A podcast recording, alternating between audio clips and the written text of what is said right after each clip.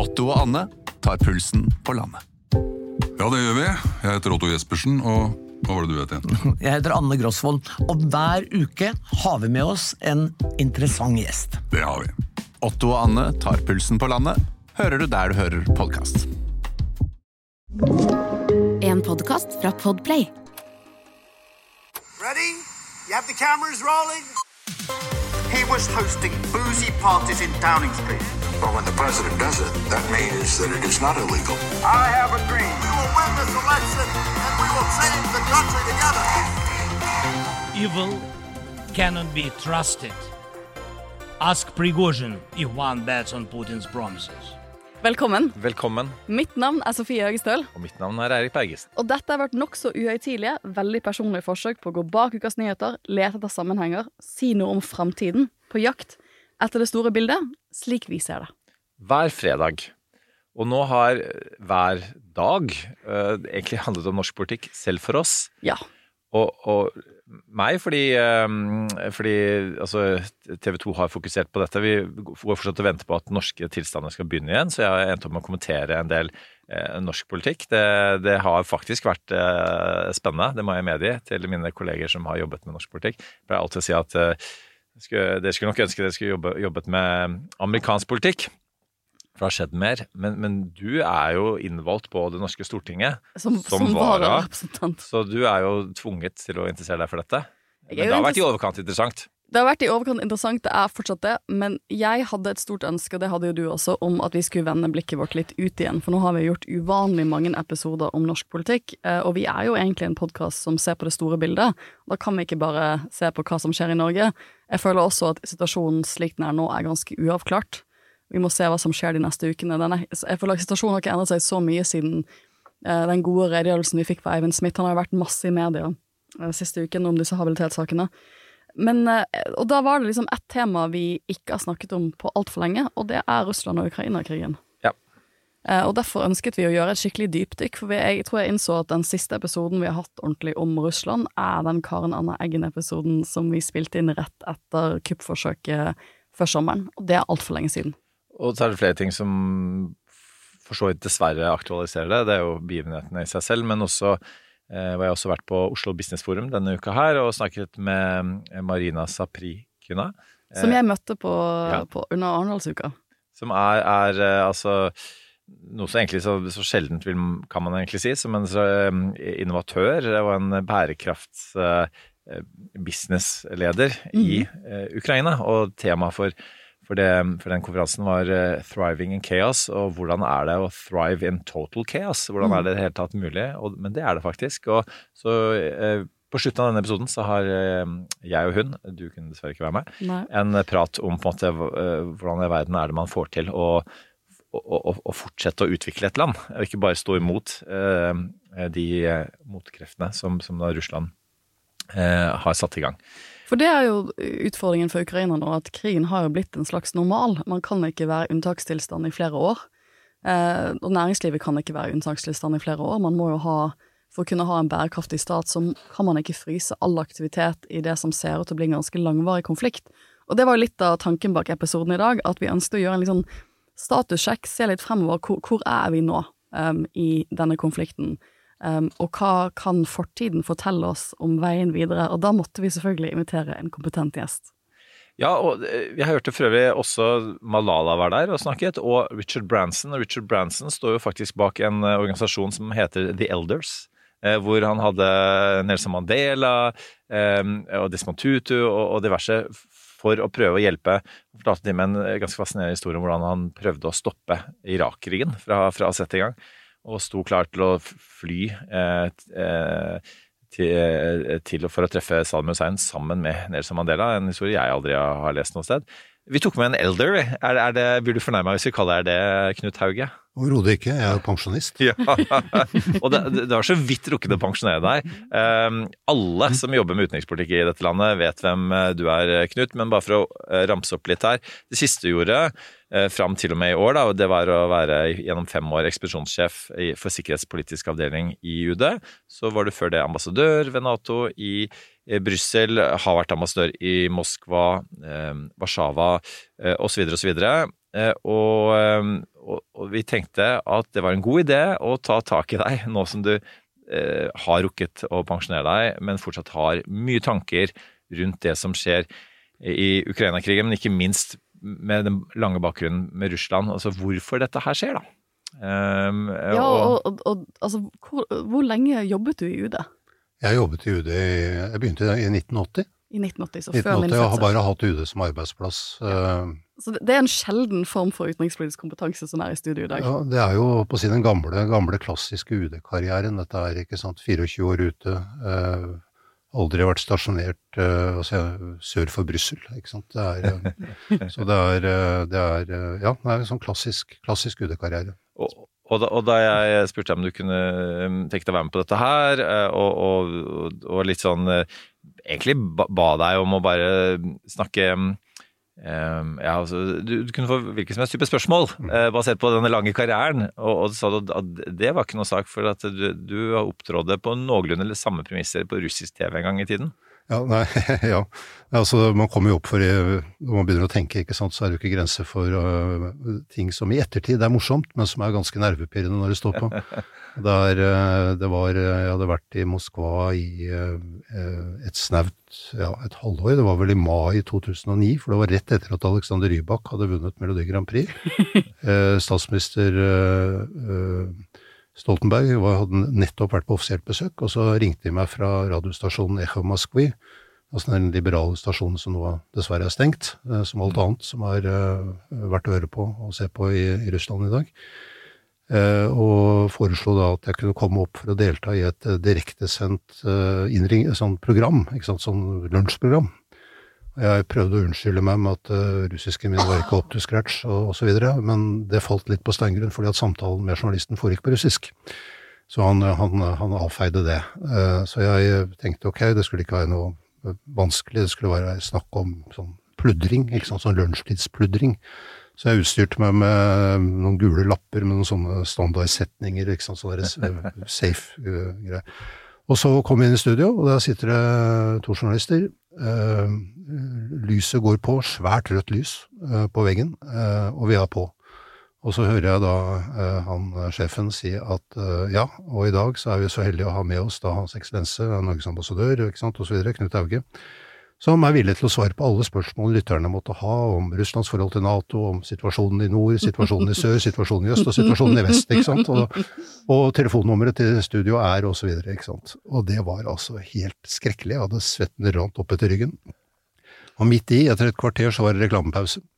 Så jeg sier til han karen at uh, dette her går jo helt ille, ikke sant, dette her Uff a meg, ikke sant. Og så, så, så lo han, og så sa han nei, nei, nei, sier han, du vet. Hadde, hadde dette gått dårlig, så hadde telefonsentralbordet smelta. Husk på, vi har over en million lyttere der ute. så det var, det var beroligende ord. Det viste seg da jeg hørte de var inne på nett og hørte på det, da jeg torde tre uker etterpå, at det var ikke så gærent når det kom til stykket, men uh, fytti rakkeren. det, det tror jeg du kommer til å føle nå også, uh, altså at det ikke er så gærent. Jeg ser ikke ut som du svetter enda, Knut. Nei.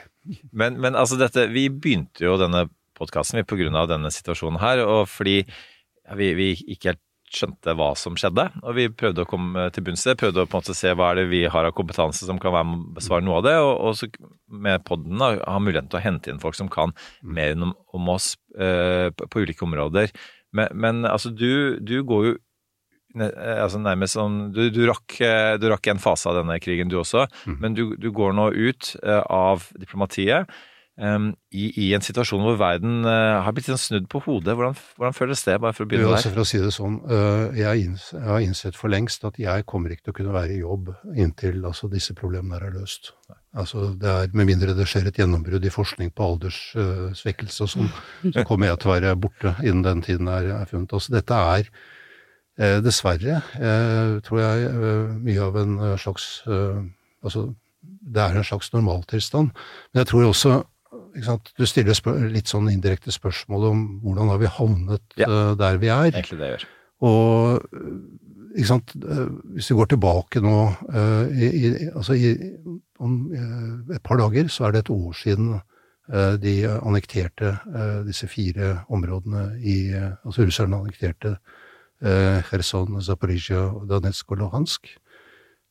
Formelt inn i, inn i Russland. Så tiden, ikke sant den, Og dette var jo en Altså vi husker jo også da høsten før den, den, diskusjonen som var på Altså var i allmennheten, ikke sant. Hva er det egentlig nå eh, russerne prøver på? De trekker sammen styrker rundt Ukraina. Det var eh, styrtelekkasjer fra etterretningsmiljøene i, i, USA og Storbritannia. Og vi husker den debatten som var. Eh, og, mye av eh, si, tvilen og skepsisen til den opplysningen som kom, det skrev seg jo fra sant, hvordan i himmelens navn kan Putin tro dette er en god idé? Mm. Hvordan, hvordan, passer dette inn? Han må jo skjønne at dette her er, kommer til å gå gærent. Og der, der, er på en måte springende punktet, fordi at uh, vi har jo sett nå over tid, hvis du går, liksom, skrur klokka tilbake til altså 1990 ikke sant? Jeg, var, jeg kom uh, En ting du ikke nevnte, som jeg har, har, minner om, det er at jeg var Norges første generalkonsul i Murmansk. Ja. 92-94. Ja. Det var en, en, spesiell opplevelse, for det var da et Russland i total oppløsning hyperinflasjon, eh, matmangel, eh, fullt kaos. Og, så der, der, og dette her vedvarte jo på mange måter eh, ut det meste av 90-tallet. I august 98 så gikk Russland konkurs. Mm. Rubel, rubelkrasj. ikke sant? Folk fikk nullet ut sparepengene sine og alt dette her. Så kom Putin inn da. 99 000, 2000 og hans eh, helt klare mandat det var jo å få stabilisert dette, få en gjenreisning av den russiske sentralmakten. Og Det arbeidet begynte han altså Det har jo ikke vært en, en, en fullstendig gameplan for dette. Altså Veien blir til mens man går også i Russland.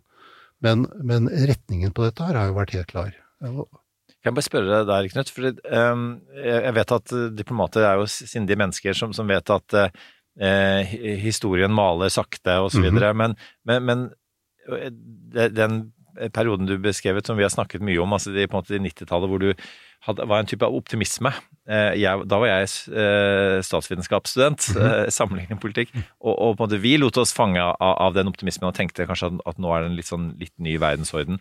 Rakk du å gjøre det, basert på det du så, eller skjønte du at her kan man få et tilbakesteg? Jo, altså vi, Jeg kan vel være såpass løs i snippen at jeg kan si at vi, vi spøkte litt med at når det gjelder Russland og norsk russlandspolitikk opp gjennom den tiden, så gjaldt det å bruke begge hjernehalvdeler samtidig. Altså én hjernehalvdel som var viet en helt nøktern analyse og forståelse av hva som foregikk, og den andre som var opptatt av å tilpasse dette til det som var da de norske politiske visjonene. Eh, ja, nei, altså jeg var på, jeg var på åpningen av, av Barentssamarbeidet i januar 93, ministerkonferanse i Kirkenes. Og ja, jeg var jo også da på det, det, som viste seg å bli det siste ministermøtet i Barentssamarbeidet uh, for to, snart to år siden i mm. Tromsø. Mm. Så, og jeg opprettet generalkonsulatet i Murmansk, og jeg var jo da ganske sentral i nedleggelsen av det. Så sant, ting går i, går i, sirkel. Klart, det er ikke noe gøy. Jeg føler ikke at dette her er, er bra. Jeg, men jeg, det er vel riktig å si, jeg tror ikke de som kjenner meg vil være uenig i det, at jeg har vel aldri vært en sånn veldig optimist på dette. Jeg, jeg har, kan si det mest skjellsettende opplevelsen jeg har hatt noen gang med Russland, det var i 1977. Da hadde jeg et lengre opphold i Sør-Russland som utvekslingsstudent. Eh, vi trodde jo den gangen at Sovjetunionen var et stort og mektig, en supermakt. Og jeg havnet da, dette var i byen Voronezh, som ligger midtveis mellom Moskva og Svartehavet. Det var som å komme til et, eh, til et utviklingsland, altså med matmangel og forvirring, og en, ikke minst at eh, jeg bodde på rom sammen med tre russere, og de var så desillusjonert. Det var liksom ingen, ingen ideologisk uh, tro på dette her. Det er klart, ikke sant, det er lett å si i ettertid at jeg kom tilbake derfra med en klar oppfatning at dette kommer ikke til å vare. Men uh, jeg visste jo ikke at det skulle gå så lang tid før det, før det gikk gærent.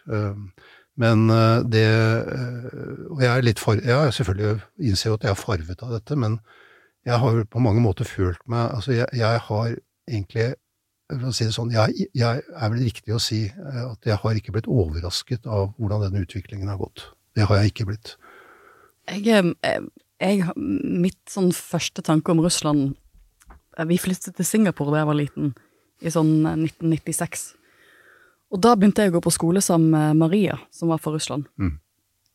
Uh, og det ble klart etter hvert at um, for meg at hennes foreldre hadde hadde nok ikke kommet seg ut av Sovjetunionen på den mest lovlige måten. De var nok der på ulovlig pass, det var veldig vanskelig. Og hun skildrer det var veldig vanskelig å få pass på det tidspunktet.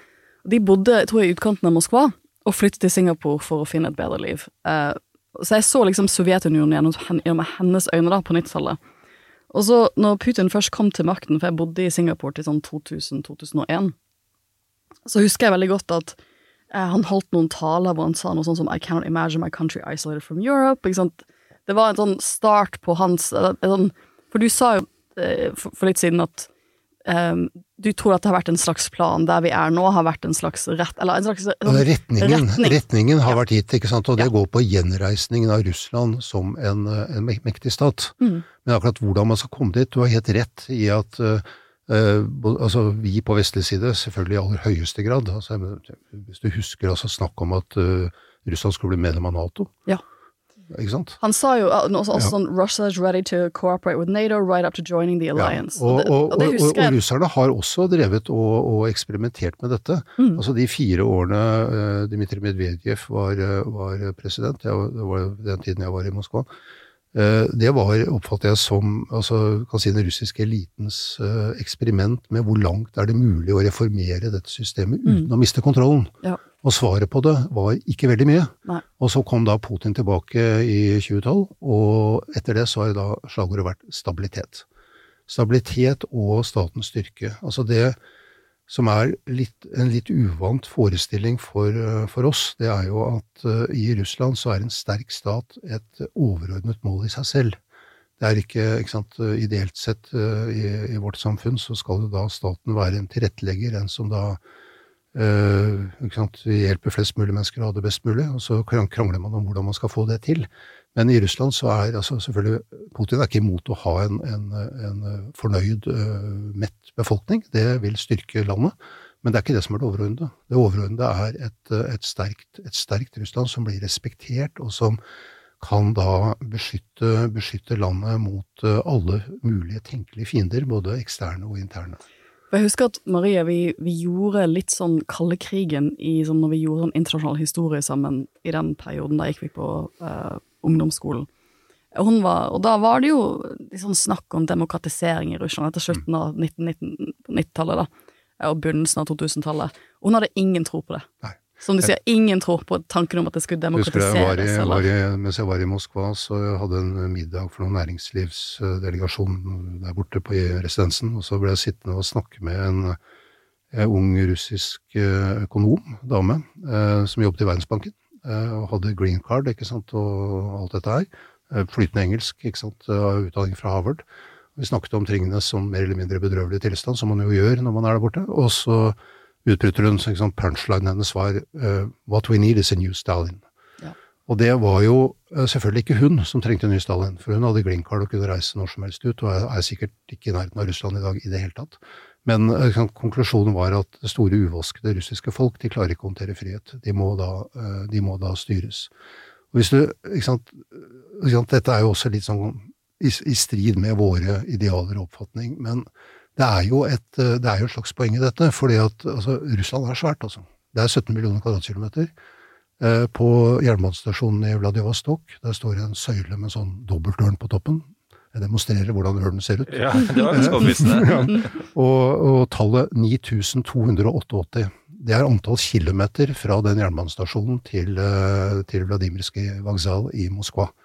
Det er svært, altså. altså det, er, det, er, det, er, nesten ikke til å tro for de som ikke har, har reist gjennom dette her. Og ikke sant, sentrifugalkreftene i dette samfunnet er store, og da tenker jeg ikke nødvendigvis på etniske øh, osv., men vi fikk jo en, en smakebit på det på 90-tallet, altså hvor du ser det, altså de lokale maktelitene begynner å tilrane seg mer makt, det begynner altså kriminalitet, øh, gangstervesen osv. Så det er jo dette som er da kan si essensen i det russiske styringssystemet, den såkalte maktvertikalen, hvor du har en, en, en, en diktator på toppen, eh, som er, eh, har et slags folkelig mandat, valgt av folket. Eh, er ikke lenger da utpekt av politbyrå, det er ikke noen struktur rundt dette.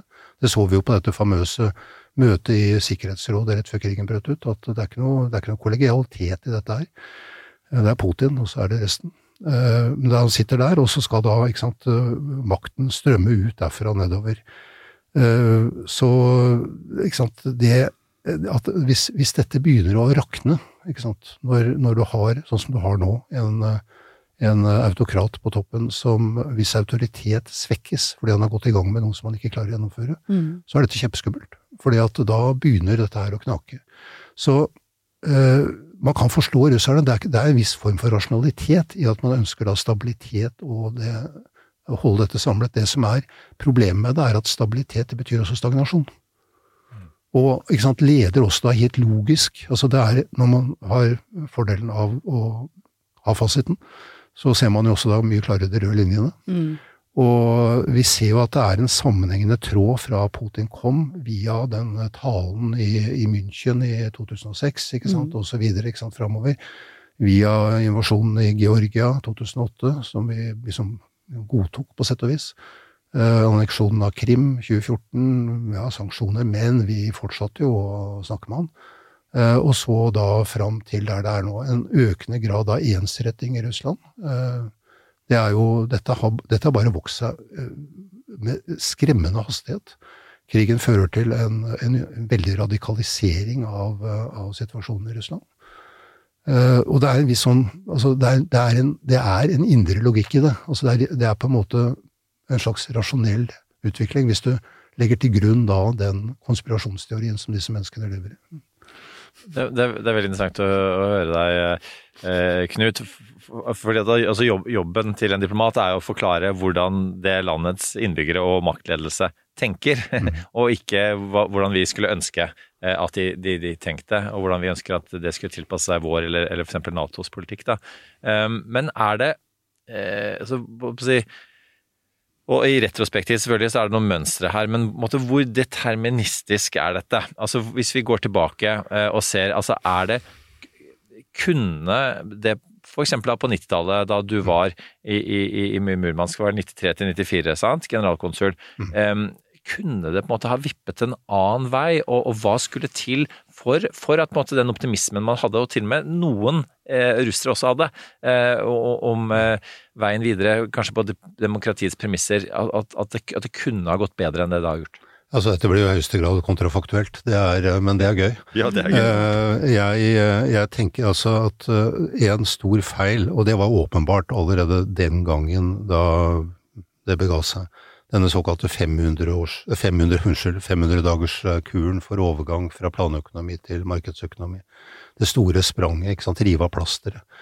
Eh, dette hørte vi jo da jeg var i Murmansk, og vi, vi trodde jo ikke våre egne ører. ikke sant, For altså, vi levde jo i en russisk provinsby, og så, som var altså Altså Murmansk, det var ikke noe der før, uh, før revolusjonen. Altså veldig lite, en kai og litt noen bygninger. Og hele Kolahalvøya er jo et sovjetisk produkt. ikke sant? Altså Både befolkning, næringsstruktur, alt dette her. Eh, altså Hvis du da plutselig finner ut at nå skal dette her fungere på, på markedsøkonomiske premisser, så sier du samtidig da massearbeidsløshet, enorm mm. sosial nød, ikke sant? hele dette greiene. Altså det er, og eh, Kolahalvøya er jo bare en liten del av det. Så ikke sant? Det, er, det er rett og slett altså helt uh, umulig å, å få til. Eh, men sånn sett i ettertid, så er det klart eh, det er, Mange vil jo si at vi burde ha fokusert mer på å stille krav til strukturer. Altså få rammene på plass, lovverk Altså, ikke sant Russland er jo et land hvor eiendomsrett som vi kjenner det, ikke eksisterer. Hvor det ikke er et klart skille mellom statsorganene, hvor kan si, domstolvesenet når det virker altså Det er ikke det at du ikke kan få en rettferdig dom i en russisk rettssal, men når det virkelig gjelder noe, så er domstolene et, eh, en forlenget arm av den utøvende makt, eller av, eh, en forlenget arm for korrupte, eh, korrupte, korrupte krefter.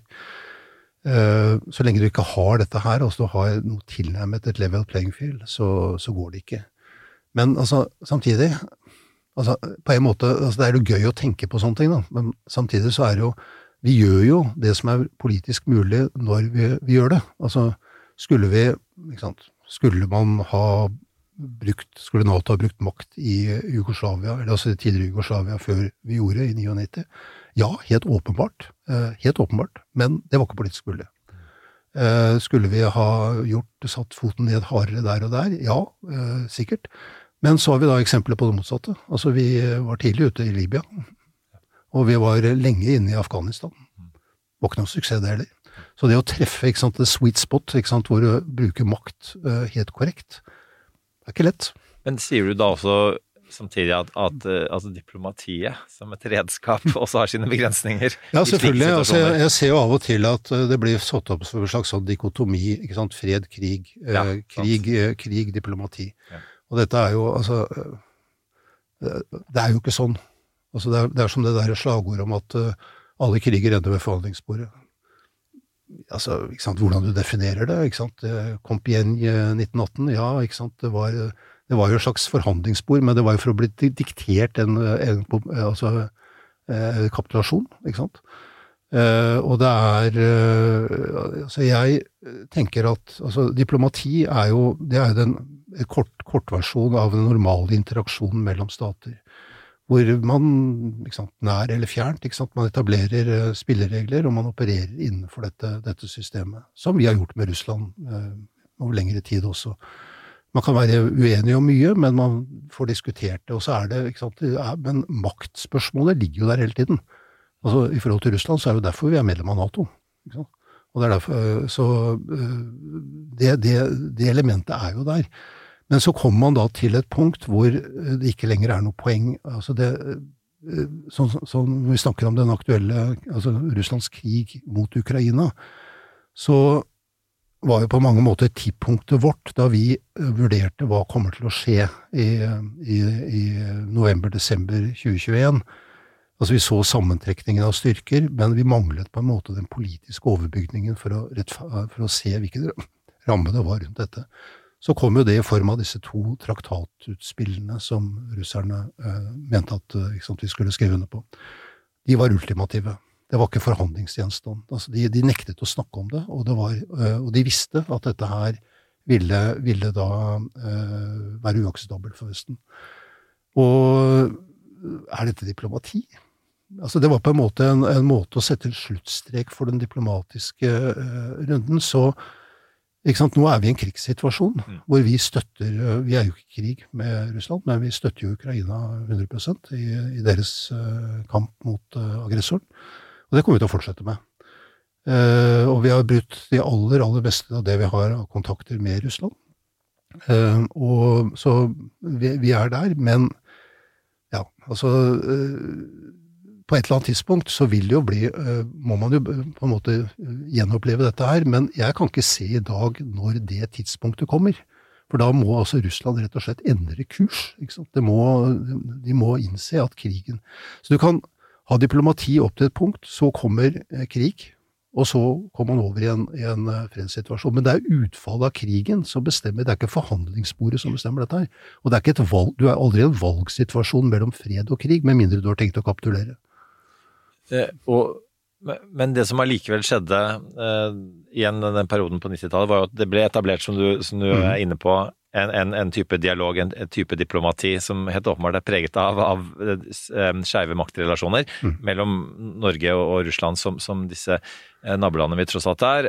Og så, så, er det nå er det helt borte, man snakker ikke sammen. Man, man bryter, som, som, du sier, gode altså, man snakker, kontakter. Man snakker jo sammen. Altså, Sikkerhetsrådet gjør, gjør vi jo ja, ja, blant altså, annet det. Også bilateralt. Ja. Altså jeg, hvilke, måter, hvilken måte er det fortsatt en viss dialog? Altså, vi har jo da en eh, ambassade i Moskva, eh, riktignok da noe redusert, mm. men eh, vi har en meget dyktig ambassadør der borte, Robert Kvile, som da har eh, så mye kontakt som han får anledning til å ha, som ikke er all verden i dag, da. Altså, ikke sant, I det russiske systemet så har du et departement som er spesielt der for å snakke med utlendinger. Det kalles Utenriksdepartementet. Og der har du en avdeling som heter annen europeisk avdeling, som har da Norden og Storbritannia osv. Og, så og et kontor som driver da med Norge. ikke sant? Og de får du snakke med. Men det er, ikke, det er ikke noe sånn veldig eh, altså Det har aldri vært lett å ha for inntak sånn inn i de indre gemakker. ikke sant? Det har det ikke vært. Selv ikke i den tiden jeg var der, så var det, var det enkelt. Det, men, eh, men, Så vi har det, og så har jo russerne fortsatt en, absolutt en ambassade her i Oslo. Så i den jobben jeg kom fra nå før jeg ble pensjonist, så hadde jeg ikke, ikke hyppig, men jeg hadde jo en en grei, vil jeg si, profesjonell kontakt med den russiske ambassadøren. Eh, vi, når det var konkrete saker som skulle løses, altså det er jo mange eh, spørsmål som dukker opp i forbindelse med sanksjonsregimet, og når det gjelder eh, altså, forhold på Svalbard, hvor russerne har, har Barentsburg. Eh, men også når det gjelder driften av ambassaden vår i Moskva og russernes ambassade her. Så vi må prøve å få til, ikke sant, for vi vil ikke ha et brudd i de diplomatiske forbindelsene. Klimafisk, det er jo visse ting ja, det er, det, er, det er sånne ting som man kan snakke om, men, eh, men det er da under forutsetning at vi klarer å, å ha en eh, helt altså, altså profesjon, gjensidig profesjonell respekt. og Eh, det hadde ikke jeg noe problem med med Temuras Ramishvili, som jo er en, en profesjonell diplomat. Det, men også, altså, vi, mener, vi har jo hatt utvisningssaker. Eh, det ble ikke noe dårlig stemning av det heller. For å, for å liksom ta liksom, spole litt tilbake til noe du sa i sted, Knut, så snakket du om viktigheten av å forstå det russiske rasjonalet, for å forstå den retningen Eh, den kursen de er på nå, om å, å holde den russiske stat stabil. Og da er jo mitt spørsmål, oppfølgingsspørsmål til det, knyttet til, til å forstå hvorfor man har gått inn i Ukraina, og kanskje også nå hvorfor man ikke har trukket seg ut igjen, når ting har gått så galt som det tross alt har gått. For de siste rapportene, sånn som jeg prøvde liksom å lese med, liksom, hva er statusen på krigen nå, det er jo at Ukraina har hatt et motoffensiv. Det har ikke vært et supersuksessrikt motoffensiv, men eh, det virker som russiske styrker er såpass uh, tynt spredt nå at de heller ikke har mulighet til å gjøre noen store innhugg i denne krigen. Så ting står litt på sted og hvil. Uh, og da er jo så mitt spørsmål, hvis hovedplanen, eller hvis hovedretningen er å liksom gjenoppbygge et, et stabilt Russland, hva, hvordan, hvordan får man det til å kombinere det med en beslutning om å ikke bare invadere Ukraina uh, på bakkenivå, men å bli i den krigen. Mm. Altså Rasjonelt sett lar seg ikke dette forklare, ut fra å si sånn som vi vet virkeligheten er. Men hvis man har da som et utgangspunkt at uh, altså Russland har uh, sentrale historiske rettigheter, at uh, Ukraina er en, rett og slett en, en vestlig oppfinnelse. Det er ikke, De eksisterer ikke? Det eksisterer ikke. Altså Det er historisk sett. Vel, altså det er jo et altså Hvis man leser historien på den måten, så har jo Ukraina da eh, opp gjennom historien da vært, uh, hatt veldig veldig korte perioder som selvstendig, en selvstendig stat. Uh, uh, Storrussisk undertrykkelse av ukrainsk språk, kultur osv. var jo en gjennomgangsmelodi der også på 1800-tallet inn på 1900-tallet under tsarriket. På samme måte som det for øvrig var i Finland, Baltikum, Polen. Så det er et uh, så, sant, Det er ikke vanskelig for Putin og co. å finne sant, et slags sånn spuriøst historisk belegg for, for, for denne, denne, teorien. Og så har jo selvfølgelig denne myte, mytegreia om Kiev-Russland som stedet hvor Russland, sånn russiske land ble kristnet, ikke sant, og så videre. Ikke sant, og den derre Altså man prøver å trekke da en, en, et kontinuum mellom uh, Kiev-Russland uh, på 1000-tallet og fram til uh, Moskva i dag, som jo selvfølgelig alle, altså folk som tar historie seriøst, vet er en konstruksjon. Det, det er, jo ikke, er, jo ikke, sånn. Og ikke sant, en, en, det, er mange, det er mange paradokser her. Et paradoks er jo at Putin gjennom sin politikk, gjennom Uh, altså disse forsøkene på å dominere ukrainsk politikk. Uh, det som skjedde Maidan, Janukovitsjs flukt, uh, okkupasjonen av Krim, og nå sist denne nakne aggresjonen mot, mot, Ukraina, har jo gjort mer enn noen på å bygge den ukrainske nasjonen. Så det er ikke det at ikke ukrainerne har hatt nasjonalfølelse tidligere, men det er klart dette har jo virket også radikaliserende på en god måte da, i, i, i Ukraina. Man Mens man tidligere, for ikke så veldig mange år siden, kunne se mange reklameplakater eh, på russisk i, i Ukraina, så ser man jo ikke det i dag. Altså det er eh, folk som folk knoter i vei på ukrainsk, ikke sant? selv om de egentlig har russisk som morsmål. Så det er en Og dette her er jo et Ja, så Nei, det er, det er en, en, lettere bisarr greie, men for, for, Putin så er jo dette med samling av denne kanskje litt sånn mytiske samlingen, som kom veldig mm. til uttrykk i den artikkelen som han lange artikkelen som ble publisert i hans navn da sommeren eh, 2021, og som på mange måter er det som ideologiske, hvis man kan kalle det det, eh, grunnlaget for mye av det som skjer nå. Det er én ting. Og så er det jo da eh, som jeg nevnte, det, disse traktat, for, såkalte forslagene, disse ultimataene som vi fikk da rett før krigen brøt ut, viser jo også hvordan Russland, Putin, Putin ser for seg Russlands plass i den internasjonale orden som en, en, av en liten håndfull stormakter i verden. Altså USA, Kina, Russland, India, muligens et eller et par til. Men, eh, men ikke sant, også stormakter som har særlige rettigheter til å få respektert sine interesser. Som har et, en rett og et krav på å ha en uh, innflytelsessone langs sine grenser, hvor det er hensynet til uh, stormakten som skal styre. Og Derav da denne, dette kravet om at Nato må trekke seg tilbake igjen til 97 ikke sant, sant, rulle det tilbake. Det skjer jo ikke. Altså Isteden så har vi jo en utvikling som går i stikk motsatt retning. Men, men det er en, det er en indre logikk i dette, ikke sant? som jo nå har, som du riktig sier, altså dette, dette går jo ikke. ikke sant? Det, alle kan se at uh, altså For det første, Putin kan verken uh, psykologisk eller politisk trekke seg fra der han er. Altså Det er bare én vei fram, og det er ikke håpet at uh, hvis han holder ut lenge nok, så vil støtten til Ukraina forvitre. Uh, støtten til Zelenskyj internt i Ukraina vil begynne å forvitre. Uh, en vinter eller to til, ikke sant, så, så, og så videre. Det er jo håpet hans. Holde ut lengre, lengre enn motparten. Bite seg fast, holde Bite ut. Bite seg fast, holde fast. Altså, det er Altså, han er nødt til det. altså Politisk vil han jo ikke overleve hvis en, en annen kurs. Og jeg tror heller ikke psykologisk at han er inne på tanken om å gjøre noe annet. Han er helt overbevist om at han har rett i at dette. Hans, hans syke. Samtidig så er jo da dilemmaet at dette kommer jo ikke til å gå bra. Altså Det er jo ingen tenkelig positiv utvei for Russland i dette. Vi diskuterer eh, her nå mye Russland, og det tror jeg er veldig, veldig, veldig viktig. fordi det er klart, altså Krigen mot Ukraina er jo først og fremst en tragedie for Ukraina. Det er en utfordring for oss, våre grunnleggende eh, verdier for hvordan vi mener at eh, interaksjonen mellom stater skal være i Europa. Men det er jo også en fundamental krise for den russiske stat.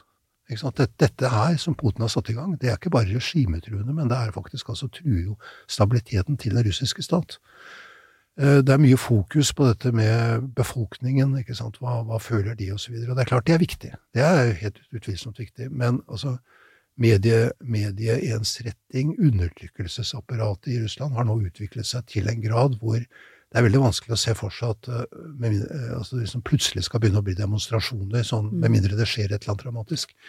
Men det som er viktig, er jo hva skjer i den russiske eliten. Og der kommer vi jo tilbake igjen til altså, vår venn uh, Prigozjin, mm. um, som da, da gikk for tidlig. Ja, eh, vi har jo ikke snakket om det i podden, men han, eh, han døde da i en flyulykke. Ja. Mm. Du hørte denne historien som den uh, albanske statsministeren dro på et seminar? Nei, jeg, jeg, har hørt folk snakke om det, men jeg har ikke hørt hva han sa. Nei. Skal, jeg, skal jeg si ja, det? Ja. Nei, altså, han, han, sier da at Og dette var jo også den albanske statsminister i full offentlighet, så jeg, jeg, sier ikke noe som ingen andre har sagt. Det var altså da statsminister Mishustin kommer til, til president Putin og sier at Vladimir Vladimirovitsj, vi må gjøre noe med alle disse tidssonene. Det er elleve tidssoner i Russland. ikke sant? Det er altfor mange, og det er full forvirring.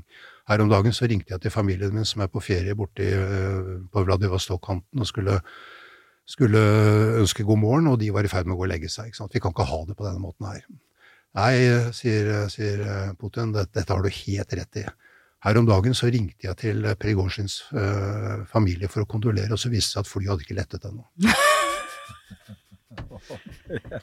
Ja. Dette, dette, er fra Jeg ler ikke. Eh, nei, nei, det, det er, altså, man skal ikke le av, nei, av dype tragedier. Men det er altså Dette, er da, dette blir altså, vi, er, vi, er, litt der, ikke sant. Eh, og Det er en Nei, altså Du vet, ikke sant, dette her er et system som i Russland som er veldig likt det man egentlig har i de fleste land på jorda. Svake institusjoner, sterke nettverk. Eh, eh, hvor det er eh, altså én stor pyramide ikke sant, med Putin på toppen, og så er det masse sånne undergrupper. Det er et, det er et, et konglomerat av ulike maktgrupperinger som hele tiden er i en innbyrdes rivalisering med hverandre om makt og, og ikke minst penger. Altså, dette er jo et, mange måter et korporativt, et gjennomkorrupt korporativt system, hvor du kan ikke skille eh, økonomiske interesser, politiske interesser og personlige interesser fra hverandre. De går sammen. Og, det holdes da i, i, på en måte i sjakk, så lenge da det er eh, respekt for uh, fyren på toppen, som da selvfølgelig er et, et, et menneske, og som ikke kan rå med alt, men som til syvende og sist da kan smelle hodene sammen hvis eh, folk blir for, uh, for eh, oppfinnsomme. Så, så det Du har dette Men altså, ikke sant Det er åpenbart mange i Russland, i den russiske eliten, som skjønner at dette ikke kommer til å gå bra.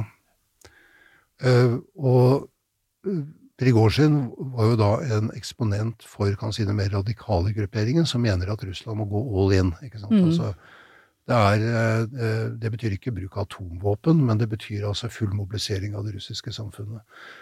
Eh, mye symbol, symbolpolitikk i det. For i realiteten så har jo Putin sant, for all practical purposes innført, uh, innført militær unntakstilstand i Russland allerede. Mm. Så de, de kan si, substansielle delene av hva som vil ligge i en militær unntakstilstand, er allerede gjennomført. Så han, han Du har det, og så har du jo selvfølgelig også da fagøkonomer og, og, og si, mer si, seriøse mennesker i, i, dette som også skjønner at dette her kommer til å lede til elendighet. ikke sant? Mm. Men så lenge sant, eh, dette er medlemmer av en elite som per definisjon har mest å vinne på at stabiliteten opprettholdes, og når det som er alternativet til Putin, eh, det er stor usikkerhet, muligens, eh, muligens kaos, muligens en retur til 90-tallet så virker det veldig disiplinerende. Det som er det skumle med dette, er at hvis du får en, et sjokk fra utsiden, altså et stort nederlag i Ukraina som er så som ikke lar seg kamuflere ikke sant? Altså, jeg ser jo nå, som du er inne på også, at uh, på mange måter nå blir konkludert med at denne krigen kommer til å gå til en, en, en uh, frossen konflikt. Det stemmer jo ikke.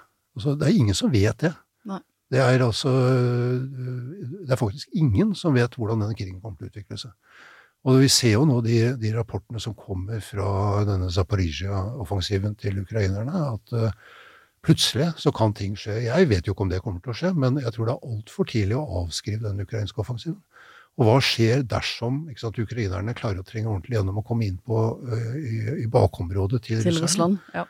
Og du, og du, begynner å få noe som ligner et sammenbrudd i de russiske styrkene i Ukraina. Det er klart det vil ha umiddelbare konsekvenser i russisk politikk også. Med, Så dette, dette, er mye mer labilt enn det, det vi liker å forestille oss.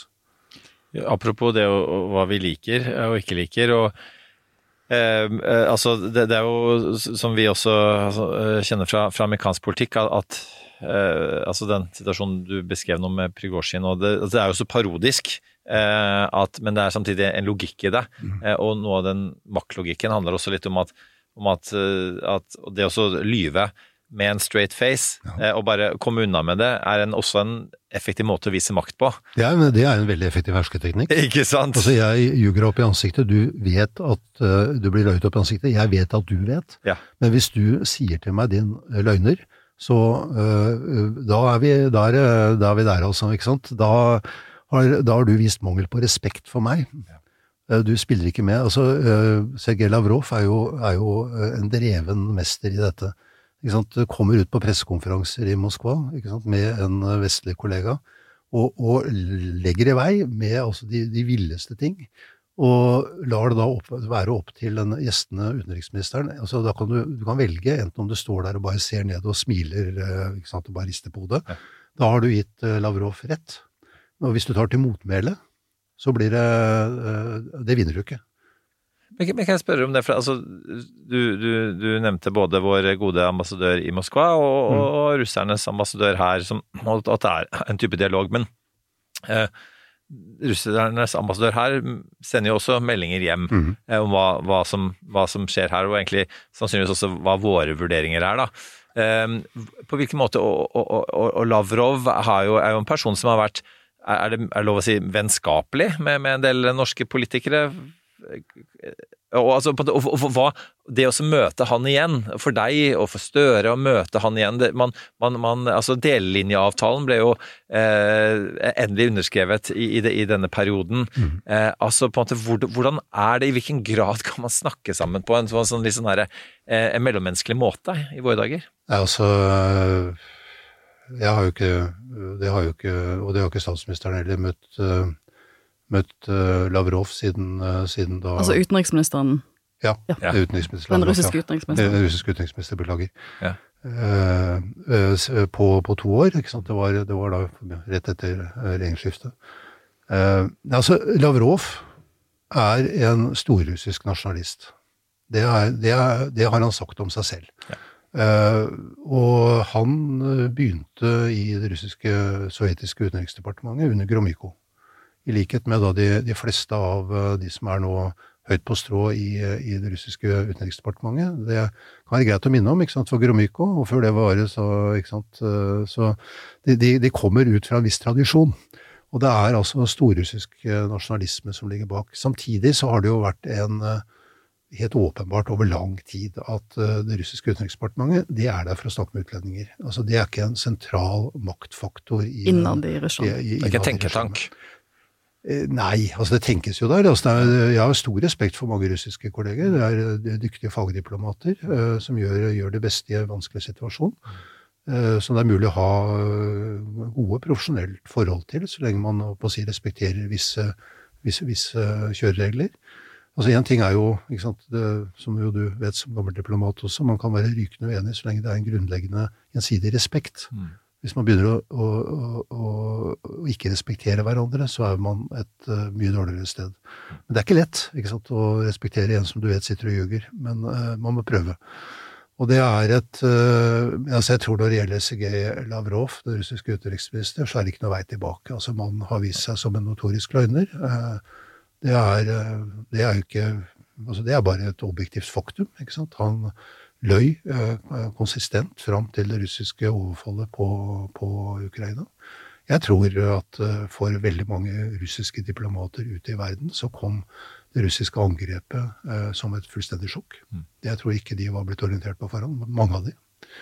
Men, de, så det, men Lavrov, om han visste eller ikke visste, har jeg ingen idé om. Men han har gjort gode minner til skjøttspill.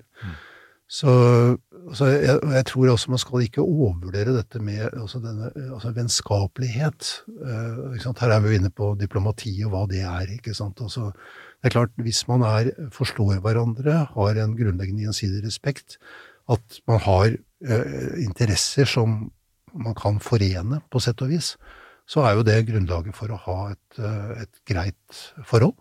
Det var jo det som gjaldt rundt, som du nevnte, delelinjeavtalen. Uh, der hadde man jo diskutert i årtier uh, uten å komme egentlig noen vei i det hele tatt. Og så oppdag, skjønte jo russerne at deres grunnleggende forhandlingsposisjon, altså sektorprinsippet, som de kalte det, ikke hadde noen som helst grunnlag i moderne havrett. De foretok en bevisst beslutning om å gå fra det til moderne havrett, og det var mulig å begynne forhandlinger. Det, men det var jo basert selvfølgelig på at Russland så sine egne interesser i å få en avklaring i forhold til Norge. Det var ikke fordi å være grei med oss. Nei. Nei. Jeg leste en lang artikkel på BBC for en uke siden om hvordan russisk diplomati har blitt endret etter krigen av Putin. At, at det er det, altså Skildringen er jo langt på vei det du sier, at du møter i mye større grad et diplomatisk eh, eh, altså, myndighet i Moskva nå som er små regimeroboter. De har tydelig mann, de har mye Ja. mer tydelig, de har veldig snevre instruksjoner, de har ikke så mye handlingsrom. De skal fremføre de talepunktene de har fått. Eh, og da er det vanskelig, som du sier, å ha sånn, utgangspunkt for en viss sånn gjensidig respektdialog. Og, det, og da er vi liksom litt tilbake til det vi snakket om i sted, og det, det er hva elitene gjør. For som du var inne på, Knut, så så er det veldig vanskelig å si liksom, hva, hva den russiske befolkningen tenker og mener. De er under et, et slags overvåknings- og propagandaregime som det er vanskelig for oss å forstå i Norge. Og da er vi tilbake til disse elitene, og det snakket vi for så vidt om med Karen Anna Eggen om. Og vi snakket med Carl um, Henrik Knutsen, som vi hadde uh, på en sånn sommerepisode i sommer om demokrati, og vi snakket mye om og det var hans analyse, at, at hva, hva, gjør de russiske elitene nå? Uh, for som du er inne på, det er at du har Putin på toppen, men så har du et kobbel av forskjellige typer eliter. Eh, og hvordan de leser den stasjonen vi er inne i nå, det er jo det som kanskje blir interessant i årene som kommer. Eh, og hvis vi ser litt fremover, da, for jeg, jeg, man, eh, fra vårt ståsted så kan man jo se på krigen slik den er nå, og lure liksom hva, hvordan tror Altså hva tror russisk elite, hvordan Hvilken veivalg vil de ta? Som du sier, det virker som Putin tenker at hvis jeg holder ut i ett eller to år til, mm. tretter ut Vesten når det kommer til støtte til Zelenskyj, og kanskje, kanskje, kanskje håper på at Trump gjør en tilbakevendende rolle i Det hvite hus, som vil endre, eller en republikaner, da. Eh, republikanske partiet Zelinskyj var jo på besøk i FN forrige uke, eh, og det henger nok også i stor grad sammen med at han er redd for hva som skjer i USA nå, vis-à-vis oppslutning rundt disse eh, eh, både våpenpakkene, men ikke, ikke minst også økonomiske ressursene som Ukraina er helt avhengig av å få fra uh, USA. Der ser du at den, altså støtten til den er noe kjølende i USA, og spesielt på republikansk side. Så hvis du er Putin og du leser det politiske kartet for, som Erik var inne på, han har jo eh, diplomater som rapporterer hjem hva er tilstandsrapporten fra USA, så skjønner du at her er det kanskje et vindu, hvis det skulle bli et eller annet form for maktskifte i USA i 2024, som, som, vil, gjøre det, som vil gjøre Ukraina mer sårbar eh, og mindre egnet til å stå i denne krigen enn det de er nå. Men jeg tenker sånn, det er jo én vurdering, da. Men hvilke andre vurderinger kan man gjøre fra russisk side for å, å holde denne staten stabil? Jeg, jeg skjønner liksom ikke helt du, jeg, jeg, forstår liksom ikke hva, hva endgamet er. Nei, og, det, det er, og det, dette er jo problemet, ikke sant. Altså, bare for å komme litt tilbake til den situasjonen vi var i før krigsutbruddet 24. Mm. ikke sant, hvor det var jo en debatt. Altså vi eh, kan si på altså i, i, i, den, eh, i, i, den norske stat. Det hadde jo konkludert med at det ville bli krig. Og, og, og det var en, en sammenfallende vurdering i Etterretningstjenesten, i Forsvarsdepartementet og Utenriksdepartementet. Men vi visste jo selvfølgelig ikke nøyaktig når, og vi bomma skikkelig på hvor lang tid det ville vare. Altså det vi, men vi hadde jo, altså i UD så hadde vi sant, framforhandlet overtids, utvidet overtidsramme, satt opp vaktlister og var liksom mm. Klar til å gå. Når jeg presterte da å få covid 22.2. Det var jo tidenes, tidenes skivebom, så jeg lå i feberørsk og så det på dette. Det var en skrekkelig opplevelse. Men, eh, men, eh, men, det fungerte, ikke sant. Og så bomma vi da på, på, hvordan dette ville, hvor lang tid det ville ta. Trodde det ville ta tre dager. Ja. Det, det, viste seg å være en grov overvurdering av Russland og en grov undervurdering av Ukraina. Og for så vidt en grov undervurdering av oss selv eh, og vår evne til å stille opp og, og, mm. og sette makt bak våre prinsipper. Det er jo en av de virkelig gledelige tingene så langt i mm. dette her. Mm. Men jeg tror altså når far, altså Nå er vi jo nesten på vei inn i det metafysiske, men eh, altså det er Jeg tror, sånn som jeg iallfall forstår det, det russiske kan si, maktsystemet, så altså det er, det, er, det er, jo ikke noe altså Vi kan se at det er ikke noe positiv utvei på dette, her, men samtidig, ikke sant eh, og det, Jeg ville være overrasket. altså Russere er ikke dumme. ikke sant, altså Folk, folk skjønner at dette her er, eh, dette er ikke bra. Og så vil man selvfølgelig håpe at på en eller annen mirakuløs måte så vil det rette seg. ikke sant, og Gi det tid. For hva er alternativet? Man må hele tiden spørre om det. Hva er mm. alternativet? Alternativet det viser jo Prigozjinov hvordan det går nå. ikke sant, ja, Han gikk for tidlig. Eh, og man vet heller ikke hva som blir utløst hvis man prøver nå liksom å ta Putin bort til et hjørne og si at nå er, nå, nå er times up. ikke sant? Det, eh, så må huske på at eh, sant, sånn kupp i Russland det er ikke vanlig. Ikke Nikita Khrusjtsjov ble avsatt i 64. Det skjedde jo innenfor rammen av politbyrå. Da hadde man strukturer på dette. I dag har man ikke det. Det er, det er makt, maktgrupperinger som er i innbyrdes. Så man hadde strukturer for eliten når de ønsket å gjøre et skifte, som man ikke har i dag? Korrekt. Ja. Så elegant sagt. Så det er eh, eh, Nå har jo altså Putin et slags altså Han har jo sitt mandat fra det russiske folk. Han har valgt i riktignok da høyst tvilsomt valg, men, men likevel. altså Det formelle mandatet er fra folket. Det er ikke noen andre som har noe mandat å avsette han. Så det blir jo da at hvis han skal fjernes mot sin vilje, så er det et statskupp. Det, det, så det er liksom Det sitter litt langt inne. Og det er, og dessuten også, Men altså jeg tror likevel da at det nå foregår i, altså no, en, en, del mennesker i Russland i dag, veldig mange, vil Og dette, her har vi observasjoner fra tidligere kriser også, uh, som viser at det er, dette her er en veldig menneskelig reaksjon. ikke sant? At du setter deg litt på siden, du setter deg litt på gjerdet, avventer så lenge det er mulig. ikke sant? Uh, liksom Redusere din egen eksponering? Uh, mest, mest mulig. Så du liksom sitter tilbake, så, men samtidig så følger du med. Du passer på at, uh, å konsolidere din egen posisjon. Og du passer på at du får utnyttet andre muligheter hvis de åpner seg. Så det er et sant, Det kommer inn en, en, labilitet i systemet som ikke er der når ting fungerer uh, mer strømlinjeformet. Altså, disse mekanismene er jo hele tiden der. Dette er jo essensen i, i maktvertikalstrukturen. Men det blir, det blir uh, satt på spissen når du har en så stor grad av usikkerhet som du har nå, kombinert med at autoriteten til den øverste leder og folkene rundt han er kraftig svekket. For det er de. altså Han gikk i gang med noe som skulle være en politiaksjon mot, mm. uh, mot uh, Kiev. Og den uh, er de ikke ferdig med. Det, det, altså, ta, russiske tap er jo enorme. enorme. Mm. Det overstiger jo langt det de tapte i Afghanistan, Tsjetsjenia osv. Du sier at russere er ikke dumme, men hvor mye informasjon er den jevne russer, hvis det helt tatt er, jeg skjønner at det er veldig upresist begrep, har f.eks. når det gjelder Eh, disse altså menneskelige tapene? Jeg tror det, er, det, blir veldig, det blir veldig impresjonistisk. ikke sant? Dette er jo noe av, av tanken bak den, si, den, den, kampanjen som har vært ført nå over flere år. Hvor det har fjernet si, det som var av et, av et sivilsamfunn og, og tilløp. altså ikke sant? Under uh, Afghanistan, Tsjetsjenia osv. Så, videre, så hadde du f.eks. soldatmødre som da uh, kunne gå ut og, og å sette ord på ting. Nå er det mer der at eh, sant, eh, folk har det vanskelig enkeltvis. Du vet at uh, naboens sønn eller min sønn er død, men du vet ikke altså, Så du, du, er, på en måte sikkert klar over at et eller annet foregår, men i det store og det hele altså, du, du, får, du får ikke organisert dette på noen måte.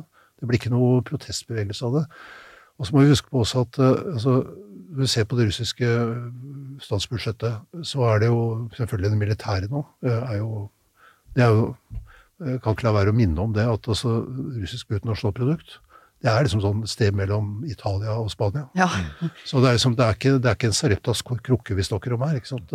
Og de har et nå selvfølgelig, de fører en utrolig kostbar krig, så det er pri én. Pri to er sosiale utgifter, pensjoner og, og, sosiale ytelser. For å sikre da sant, det russiske baklandet, altså folk som egentlig ikke bryr seg om politikk, men som er opptatt av å få endene til å møtes i det daglige. Og som stemmer på Putin, og som stemmer på kontinuitet. ikke sant. Det er så Men Nei, altså, hva tenker, hva tenker man? Altså, man prøver å tenke mest, minst mulig, vil jeg tro. Altså folk som eh, Vi har jo eh, altså Det å leve i et totalitært samfunn, det betyr jo at du må eh, finne ut hvilke prioriteringer du har. Og for 99% av oss så ville prioriteringene vært å få det til å gå opp i det daglige. Det er lett å, lett å være kritisk og si hvordan kan de finne seg i dette, men prøv, prøv, å stå opp mot det. For det, det handler vel, bare helt kort, om, om, om at Altså, på en måte, eh, den, den, hemmelige resepten for en diktator er jo at du blir så opptatt av din egen overlevelse og familiens overlevelse. Du, du klarer, som du, er, som du er, inne på, du, du, får ikke organisert noe utover deg selv. Også blant annet fordi du har ikke tillit til at uh, om du prøver uh, å dele uh, din, din, idealisme med andre, og at de skal Nei, altså, falle deg i ryggen. Nei, altså, du, ser, ja, du tenker på for, for sjefen på toppen? Nei, eller på, for en vanlig russer? Ja, egentlig alle. Altså, ja, altså, det er paranoia gjennom hele systemet. Du ser at en, en, ting som har skjedd i Russland, og det har skjedd nå under krigen i økende grad, det er jo at fra sant, å være et uh, autoritært system hvor det som ble krevd var at du ikke skulle protestere, så har man gått til et, uh, et totalitært, en totalitær retning hvor det også kreves at du bekjenner deg til den rette lære. Mm. Og hvis du ikke gjør det, så risikerer du angivelse. Det er klart, alle blir ikke angitt. Og det er, vi er ikke, det, dette er ikke Stalin. Men det er ille nok, ikke sant. Og, og de sørger jo da Daglig så er det jo uh, i media historier om folk som har blitt dømt til lange fengselsstraffer fordi at de har sagt feil ting til Altså lærer, ikke sant, som da ikke, ikke er lojal mot øh, det nye undervisningspensumet vil i beste fall miste jobben. Ikke sant? Og så må du da gjøre deg opp til mening om det. Kan jeg leve uten å ha lønn? Kan jeg leve uten at uh, barna mine får tilgang til høyere utdanning? Ikke sant? Og videre. Altså, ikke sant? Det, er, det er lett å kritisere, men jeg, jeg tror jeg, hvis man tenker seg om, så forstår man dilemmaene. Og det er veldig mye lettere da å gjøre de nødvendige kompromissene for å, for å få rett og slett livet til å gå opp, vel vitende om at du egentlig ikke har noe særlig innflytelse på dette. her. Så det du står igjen med da nå av kan si, en form for opposisjon i et system som det russiske, det blir altså da eh, altså Da har du dissidenter, nærmest. ikke sant? Folk som da vier livet sitt til altså Navalny, ikke sant? som Mm. eh, er så overbevist eh, om eh, det han må gjøre, at han reiser frivillig tilbake til Russland og ja, risikerer livet for, eh, for, eh, for det han tror på. Men det vil alltid være et mindretall, som er et lite mindretall som er der. Men dette betyr jo ikke at dette er stabilt. ikke sant? Altså, det kan ikke si at, at liksom 80% støtter Putin. Det gjør de inntil de støtter noe annet. Jeg syns dette er veldig interessant, for du sier jo egentlig at både elitene så er det mye Så er det mange X-faktorer her. ikke sant? Altså, akkurat nå sitter de litt på gjerdet, ser seg rundt. ikke sant? Det er vanskelig å navigere når ting er så urolig. Men om det kommer noen sånne X-faktorer som du snakker om, så vet man ikke helt hva som skjer. ikke sant? Og det samme med befolkningssiden. Akkurat nå, lo lojalitet, en angiveri kultur, eh, strenge reguleringer, altså eh, statlige reguleringer av, eh, av det offentlige rom. Men man- vet ikke helt hvordan befolkningen reagerer hvis det skulle komme med noen sånne sjokkfaktorer inn. Nei. Og det, det, her er vi jo inne på det virkelig store dilemmaet. ikke sant? Altså Vi vet at uh, kan si Putin har gått over streken. ikke sant? Mannen er etterlyst som krigsforbryter. Og La oss minne oss selv om det. Det er, det er ganske alvorlig. altså. Og, og vi har jo sett da hva de russiske styrkene har utført av overgrep og, i, i Ukraina. Han er i gang med en, en naken uh, angrepskrig mot et, uh, et naboland. Eh, så det er jo eh, re re relativt altså, Og eh, vi har jo sett, vi har vært inne på fenomenet Lavrov, ikke sant, eh, utenriksminister, som jo konsistent har løyet. Eh, ikke sant? Sier at vi har ikke tenkt å angripe noen, og så angriper de. Hvordan kan man stole på noe som helst? Altså, jeg mener jo, som jeg var inne på her i sted, at altså selvfølgelig ikke sant, Putin er ikke Adolf Hitler. Adolf Hitler er død og begravet. Altså, dette er noe annet. Men, men noe av, eh, av altså, si, logikken i dette er det vi så på 30-tallet. Altså, du har sant, eh, remilitarisering av Rhinland, anslås med Østerrike, Sudetenland. Og du gir litt etter litt etter litt, og så kommer du til et punkt hvor det ikke går lenger. Og med, med Putin-regimet så mener jo jeg at vi, vi er helt klart der. Det, ikke, det går ikke an å forestille seg en, en eh, altså tilbake igjen til der vi var før det russiske overfallet nå. Eh, Så jeg tror at eh, en, en sans, et sannsynlig framtidsscenario sånn på eh, ja, kort, mellomlang og kanskje lang sikt nå i forhold til, eh, til Russland, det er ikke en reintegrering av Russland i et europeisk eh, system. Altså, OSSE er ligger jo på life support, ikke sant. Det er, eh, det det er ikke, det, er, det, det- vil ikke være grunnlag for. Det som kommer til å Altså det, det vi må tilstrebe, det er størst mulig grad av, eh, av klarhet. eh, minske rommet for eh, misforståelser. Prøve å stabilisere situasjonen best mulig. Det betyr i realiteten en hard grense mot eh, Russland. Det betyr at Nato må ha en troverdig tilstedeværelse i øst. Ikke aggressiv rettet mot å kunne angripe og true, true Russland, men det må være troverdig. Det betyr at vi må øke våre egne forsvarsbevilgninger på, på samme måten som andre, opp til et visst, et visst nivå. Og så har vi selvfølgelig da det store uløste spørsmålet hva gjør vi med Ukraina? Og der har vi jo ikke svaret, for vi vet ikke hva som kommer til å skje i krigen. Vi vet at eh, det er veldig mange som mener veldig mye om denne krigen og utfallet, men de har, vi har, vi, jeg må si vi, jeg mener også mye, eh, har det til felles at vi, vi, vi veit ikke. ikke sant? Altså det er, dette, er sånn, dette er et typisk eksempel på noe som kommer til å være krystallklart når du har fasiten, men som ikke er klart nå når vi sitter midt i tåka. Så det er en eh, Men altså, Ukraina kommer i en eller annen form, form til å være en, eh, et spørsmål som må håndteres. Eh, jeg tror vi nå har lært, eller bør ha lært, at gråsoner på grensen til Russland er en oppskrift for ustabilitet og en veldig farlig situasjon. Det er jo en konklusjon som finnene trakk, blant andre. Ikke sant? Helt klart, de så dette veldig tidlig i, i denne konflikten, og gikk jo da all in for å bli Nato-medlemmer. Og det er jo kjempebra.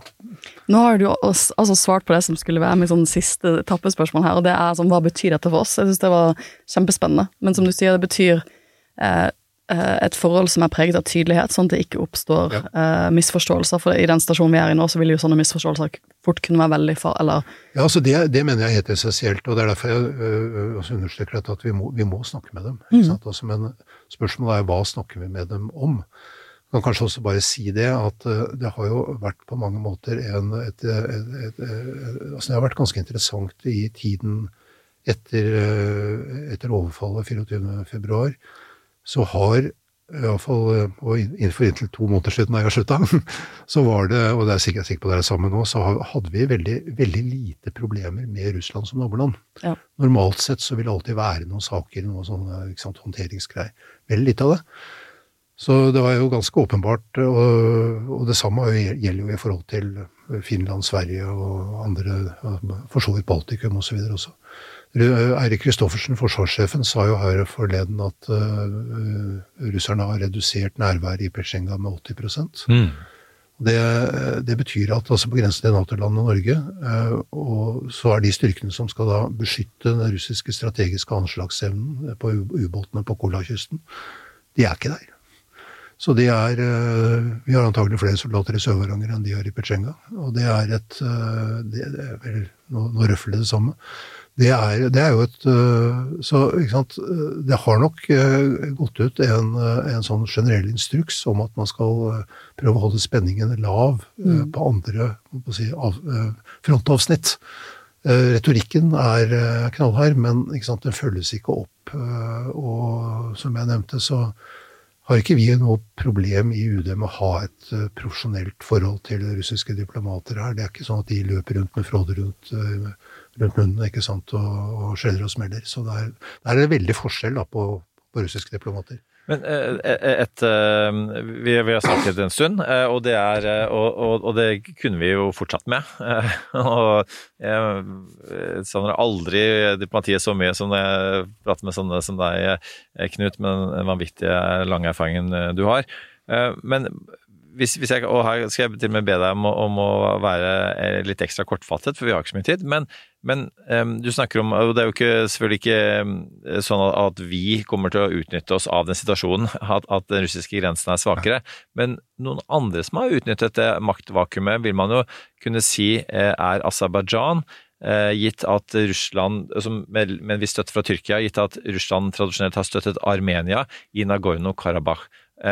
Og der har det skjedd noe i en, i en situasjon som var fastfrosset vel eh, siden Sovjetunionens uh, fall. Og, og, Kan ikke du bare kort beskrive hva det er som har skjedd der, og hvorfor? Ja, jeg kan bare, bare nevne at jeg, da jeg var i Moskva også var sideakkreditert ambassadør til Armenia. Jeg, men det er et Nei, altså, ikke sant, dette er som du sier en konflikt som går langt tilbake, og den går langt tilbake også i sovjettiden. Dette, her. dette var jo en av Stalins uh, landminer som han la etter seg. Et armenskbefolket armensk befolket område som da ble lagt som en enklave inn i, uh, inn i Aserbajdsjan. Men folkerettslig så er det ingen tvil. ikke sant? Karabakh er en del av Aserbajdsjan. Det, det, er helt klart. Så hadde du en krig i forbindelse med sammenbruddet i Sovjetunionen på begynnelsen av 90-tallet, endte i 94, hvor Armenia vant over Aserbajdsjan. okkupert, altså Eh, altså Fiksjonen er jo da at eh, Karabakh var et, eh, en egen enhet, Astrach. Men de det var okkupert, og syv områder også rundt, rundt Karabakh var okkupert av armenerne. Så de hadde det som er høyden over dette her. Eh, Så der var vi, og det ble gjort mange forsøk på å megle fram en form for, for fredsløsning på dette. Problemet var hele tiden ikke sant? hva skal være det, det sentrale? Er det folks rett til selvbestemmelse? Skal armenerne få bestemme selv? Eller er det prinsippet om territoriell integritet? To motstridende folkerettslige prinsipper. Og, og der gikk det fram og tilbake. Armenia var i mange år ledet av eh, politikere med bakgrunn fra Karabakh. Eh, To presidenter som satt lenge, var, var, eh, hadde vært sentrale hærførere under, under krigen i 94. Eh, og, var, og i tillegg så har du jo da en diaspora-element i dette, med en veldig konservativ gruppe armenske eh, folk i utlandet som da ikke ønsker noe ettergivelse osv. Inkludert eh, Kim Kardashian. Ja, hennes ikke sant, familie, altså, men det er vært veldig, veldig tydelig ja, det er helt riktig, men også eh, armenere i, i eh, California og i Frankrike er, er en, en sentral maktfaktor i armensk politikk fortsatt. Så ikke sant, du kan si at altså, det er lett å være Det er ikke engang etterpåklokskap, men det, det har vært en veldig mangel på kompromissvilje. Selvfølgelig på aserisk side, men også på armensk side. Og det har vært gjort store forsøk fra, fra Russland, fra USA, fra Frankrike. ikke sant? Altså, det, er, eh, det har ikke manglet på engasjement for å prøve å få en løsning på dette. Så har jo selvfølgelig da situasjonen endret seg over tid, fordi at Aserbajdsjan har eh, store inntekter fra olje og gass. Armenia har ikke det. Det er et eh, relativt lutfattig landområde. Og har, ja, Aserbajdsjan har brukt dette til å bygge seg opp da, eh, over, over tid. Og, eh, og de kom, jeg tror det kom, kom veldig overraskende på veldig mange, iallfall på meg, den framgangen de hadde i krigen for et år siden. Hvor fort det gikk, eh, og hvor, hvor røtent det armenske forsvaret var, og hvor lite russerne hadde å stille opp med. Så dette har jo vært en, en forferdelig nedtur for Armenia. Det viser seg at altså nå Pashinyan, den, eh, den eh, armenske statsminister, er jo veldig tydelig kritikken av Russland. Eh, For nå er altså det som skjer nå, det er jo da fullbyrdelsen av den eh, aseriske gjenerobringen av eh, dette området. Eh, det foregår eh, Altså under det forrige, da armenerne overtok dette området for fullt, da ble det etnisk rensning. Eh, veldig mange eh, aserere som flyktet ut fra dette området. Eh, det er en lang, lang historie her med, med, med overgrep. Eh, så, og nå skjer det sammen den andre veien. Eh, hvor mange som, armenere som faktisk nå er igjen i Karabakh, tror jeg ingen vet. Men de som kan komme seg ut, de gjør det nok nå. Dette er slutten på det armenske Karabakh.